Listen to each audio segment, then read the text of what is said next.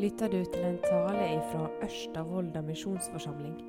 Om du vil vite mer om denne forsamlinga, kan du gå inn på øvm.no. I have a dream. Eller Gorbachev, tear down this wall. Eller how dare you. Viktige setninger fra tre taler i historien som representerer vendepunkt, endringer, begynnelsen på noe nytt. Ord som fikk konsekvenser. I dag, i dag skal vi se på et vendepunkt i historien. Vi skal se på noe helt nytt som begynte. Vi skal se på noe som fikk konsekvenser for alle mennesker. Jeg vet ikke hvilke forventninger du hadde når du kom og satte deg ned for å lytte til dette. her. Men mine tanker for de neste 20 minutter er at vi skal stoppe opp og se på et sånn et vendepunkt. At vi skal forstå at det er et vendepunkt, og at vi skal skjønne noen av de konsekvensene av det vendepunktet. Når Martin Luther King talte i 1963, så lurer jeg på hvor mange av de som var til stede den gangen, skjønte at nå står jeg ved et vendepunkt i historien. Hvor mange forsto hva konsekvensen av denne talen skulle være? Jeg vet ikke. Noen forsto det kanskje den gangen. Og så lurer jeg på hvor mange av de som sto i Israel rundt år 30 ved Jordanbredda, fatta hva de var med på. Markus, han som har gjenfortalt det som skjedde der, og skrevet det ned litt over 30 år etter det skjedde, han hadde sett noe av rekkevidden av dette. Og gudinspirert så skrev han det ned på en måte sånn at vi kan forstå det i dag. La oss lese i lag fra Markusevangeliet, kapittel 1, og vers 1-13. Og ha gjerne en bibel tilgjengelig, sånn at du kan kikke der i lag med meg. Her begynner evangeliet om Jesus Kristus, Guds sønn. Hos profeten Jesaja står det skrevet Sjå, jeg sender min båtbærer føre deg. Han skal rydde veien for deg. Ei røyst roper i øydemarka. Rydd Herrens veg gjør stigene hans rette. Slik sto døperen Johannes fram i øydemarka. Han forkynte en omvendingsdåp som ga tilgjeving for syndene. Fra hele Judea og Jerusalem drog alle ut til han. De sanna syndene sine og ble døypte av han i Jordanelva. Johannes gikk i ei kappe av kamelhår og hadde et lærbelte om livet, og han levde av grashopper og villhonning. Han forkynte det kommer en etter meg som er sterkere enn jeg, og jeg er ikke verdig til å bøye meg ned og løse sandalreimen hans. Jeg har døypt dere med vann, men han skal døype dere med Den hellige ande. På den tida kom Jesus fra Nasaret i Galilea og ble døypt av Johannes i Jordan. Straks han steg opp av vannet, så han himmelen dele seg, og han så anden dale nedover han som ei due. Og det kom ei røyst fra himmelen. Du er sønnen min, som jeg elsker. I deg har jeg mi glede. Straks etter dreiv anden han ut i øydemarka. Og der var han i 40 dager og ble freista av Satan. Han holdt til mellom de ville dyra, og englene tjente han. Takk, Jesus, for at du lot deg døpe i Jordanelva. Lær oss hva det betyr for oss. Amen. Dette det er en av de fortellingene i Bibelen som alle de fire evangeliene siterer. Det alene forteller oss at dette det er en viktig hendelse. Markus han er som vanlig knapp med ord, og det kan på en måte se ut som han ikke gir oss så mye informasjon. Men som vi skal se, så har han noen referanser i det han sier, som forteller oss en hel del. Men først Johannes. Før jul så talte Geir Henning Tunheim i Ørsta misjonsforsamling. Og så talte Ole, U, Ole Os her i Misjonssalen Ålesund om Johannes. Nå skal ikke jeg gjenta alt det som de fortalte der, men bare for at vi skal forstå litt hva type vi møter som står her i Jordanelva med vann til livet, så vil jeg si tre ting. Johannes han var meget spesiell. Johannes han var rett fram. Han sa ting direkte. Og det tredje han samla mye folk. Som Geir Henning sa, Johannes han hadde glidd rett inn på farmen. Han hadde tatt inn med en eneste gang. For han var en meget spesiell type. Han gikk kledd i en kamelhårkappe, og så spiste han gresshopper og villhonning. Og så var han den typen som sa ting helt klart, rett fram. Både Ole og Geir Henning understrekte det som vi ser i hele Det nye testamentet. Johannes han var en litt ubehagelig type. Han satte fingeren der det gjorde vondt. Han konfronterte mennesker, og han kalte synd for synd. Og så viste han hva er den djupeste konsekvensen av urettferdighet. Om du er et menneske som går rundt med synd i livet ditt, som handler imot Guds bud, da går du fortapt. Du er vekk fra Gud, og du vil være det i all evighet om du ikke vender om.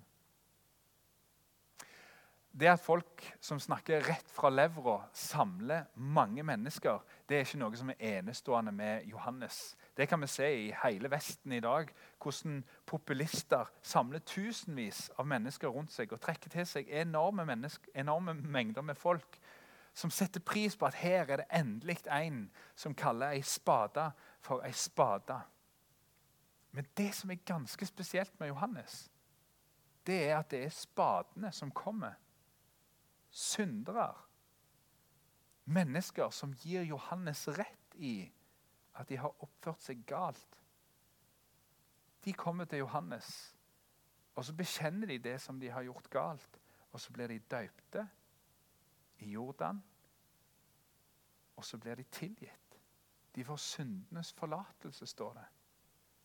De vender om, og så begynner de å leve på en annen måte. Hva i all verden er det som gjør at tusenvis av mennesker oppsøker Johannes? Jo, Gud er på ferde. I lang tid så har Gud gjort det sånn at han har vist mennesker at det er noe så galt. Vi som så fort finner noen forklaringer på hvorfor og det er greit at vi gjør sånn fordi det er noe sånn og sånn og sånn. Gud konfronterer oss og så må vi kalle ei spade for ei spade og synd for synd. Hvis du leser her i Det gamle testamentet, i begynnelsen av Bibelen, så ser du at Gud har gjort det igjen og igjen og igjen.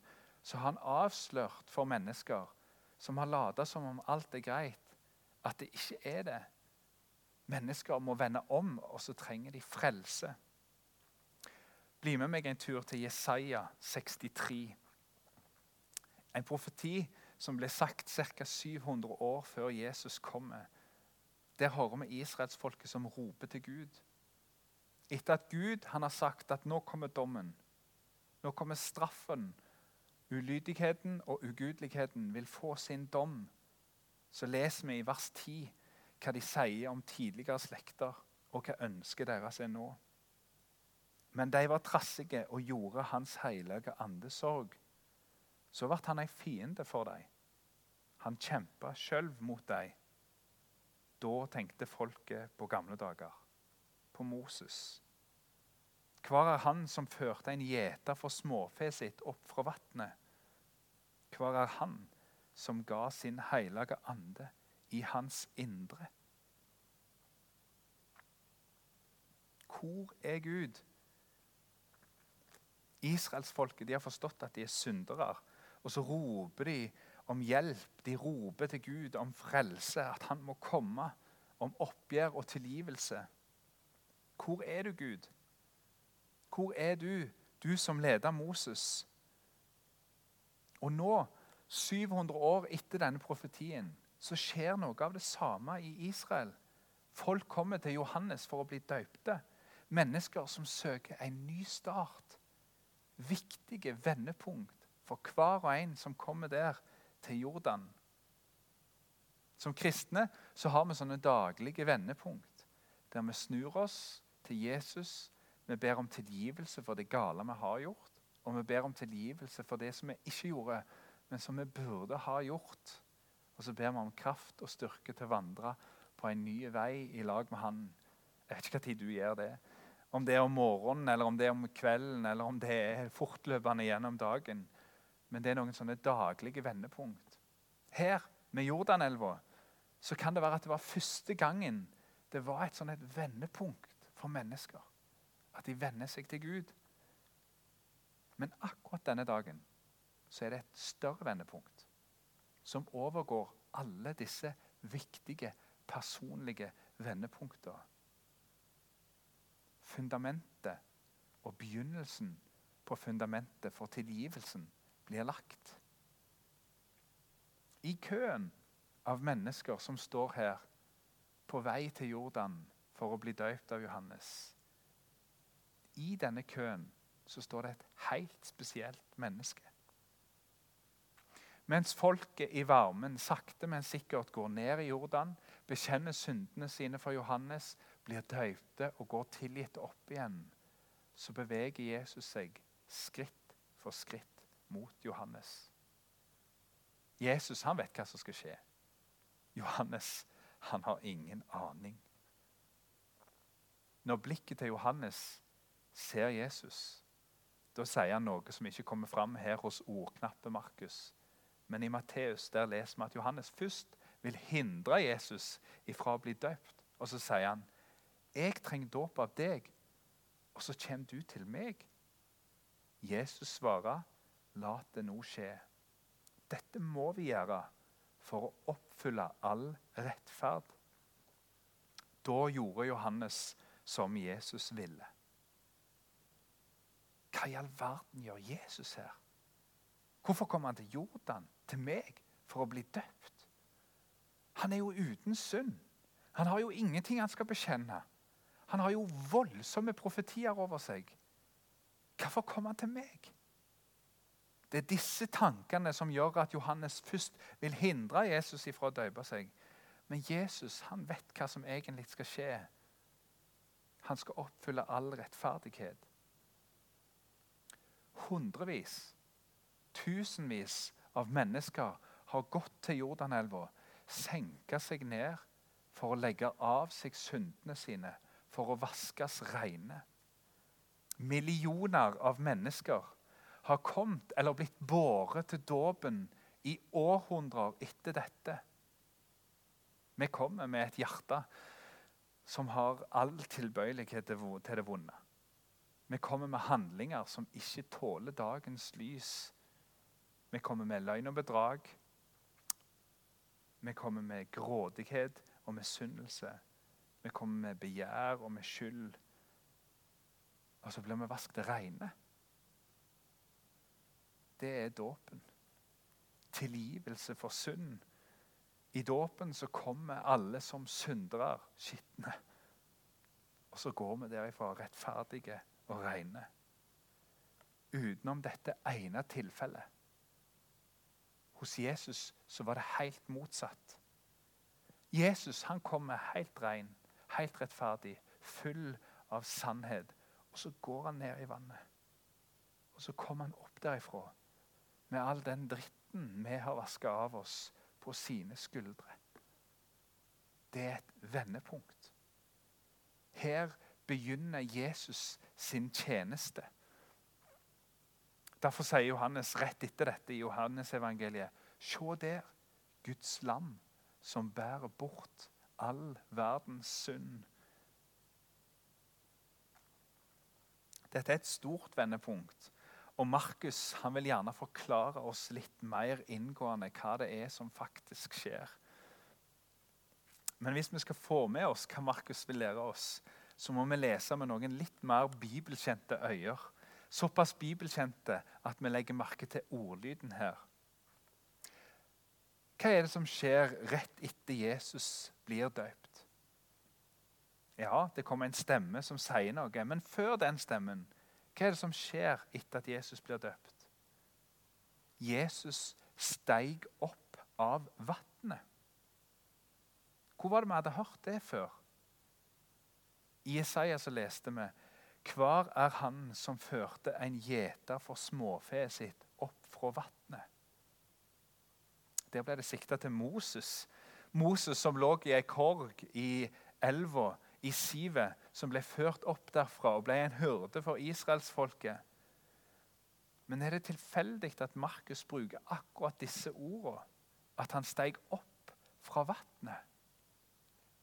Her kommer det en hyrde for småfe. En gudsendt hyrde.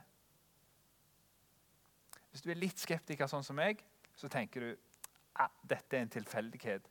Han skulle opp på vannet, så steg han opp på vannet. Det er ord som er naturlige å bruke. Men hva er det som skjer så, før Gud taler fra himmelen? Ånden daler nedover han som ei due. I Isaiah så leste vi Hvar er Han som ga sin hellige ande i hans indre? Nå begynner til og med skeptikerne i meg å forstå at Markus han vil få sagt noe. Det er noe som blir oppfylt her når Jesus døyper seg. Dette ropet om hjelp som vi møter i Isaiah 63, det blir besvart. Gud svarer dem. Og når så dette tredje kommer inn, det ordet som blir brukt om hva som skjer med himmelen, det kommer ikke så godt fram i vår oversettelse. Der står det at han så himmelen dele seg. Men, men det ordet som blir brukt der, det er et ord for det å flarre eller revne eller å rakne. Et ord som du bruker om det å dele et tøystykke i to. Han så himmelen flerre åpen.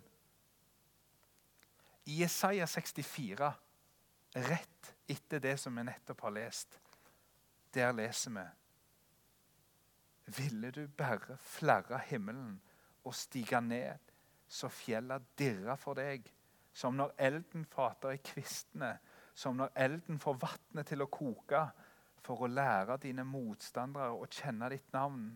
Folkeslag skulle skjelve for ditt andlet når du gjorde skremmende gjerninger som vi ikke venta, og steig ned så fjella dirra for deg. Vil du bare flerre himmelen og stige ned? Han så himmelen flerre åpen. Ja, det vil jeg. Det er gjort. Han har kommet. Det er et vendepunkt. Tre ganger så møter vi disse vendepunktene. Gud ble menneske. Gud kom til jord. Det har vi nettopp feira. At han ble født, det har vi feira med brask og bram. Og her han lar seg døype. Han tar på seg våre synder, vår skyld. Han kommer med frelse, med skremmende gjerninger som vi ikke hadde sett før oss. Det er et vendepunkt. Han kom for å redde. I resten av Markusevangeliet så leser vi om det som Jesus gjør. Han gjør det gode. Han er rettferdig. Han viser oss hvem Gud er. Han søker de som er vekke fra Gud. Han helbreder. Han lindrer smerte. Han kaller syndere til omvendelse. Og hele tida så går han med dine og mine synder på skuldrene. De bærer han helt fram til dette tredje vendepunktet. Neste gang vi møter det verbet flerre i Markusevangeliet. Nå står vi med korset. Den samme mannen som vi har sett la seg døype i Jordanelva, han henger nå på et kors og tar konsekvensene av det han gjorde den gangen. Han har dine og mine synder på skuldrene. Han roper til Gud, sin far, og så spør han hvorfor har du forlatt meg? Til slutt så roper han ut det er fullbrakt. Og Etter det så står det i Markus kapittel 15 og vers 37 38. Men Jesus ropa høyt og anda ut.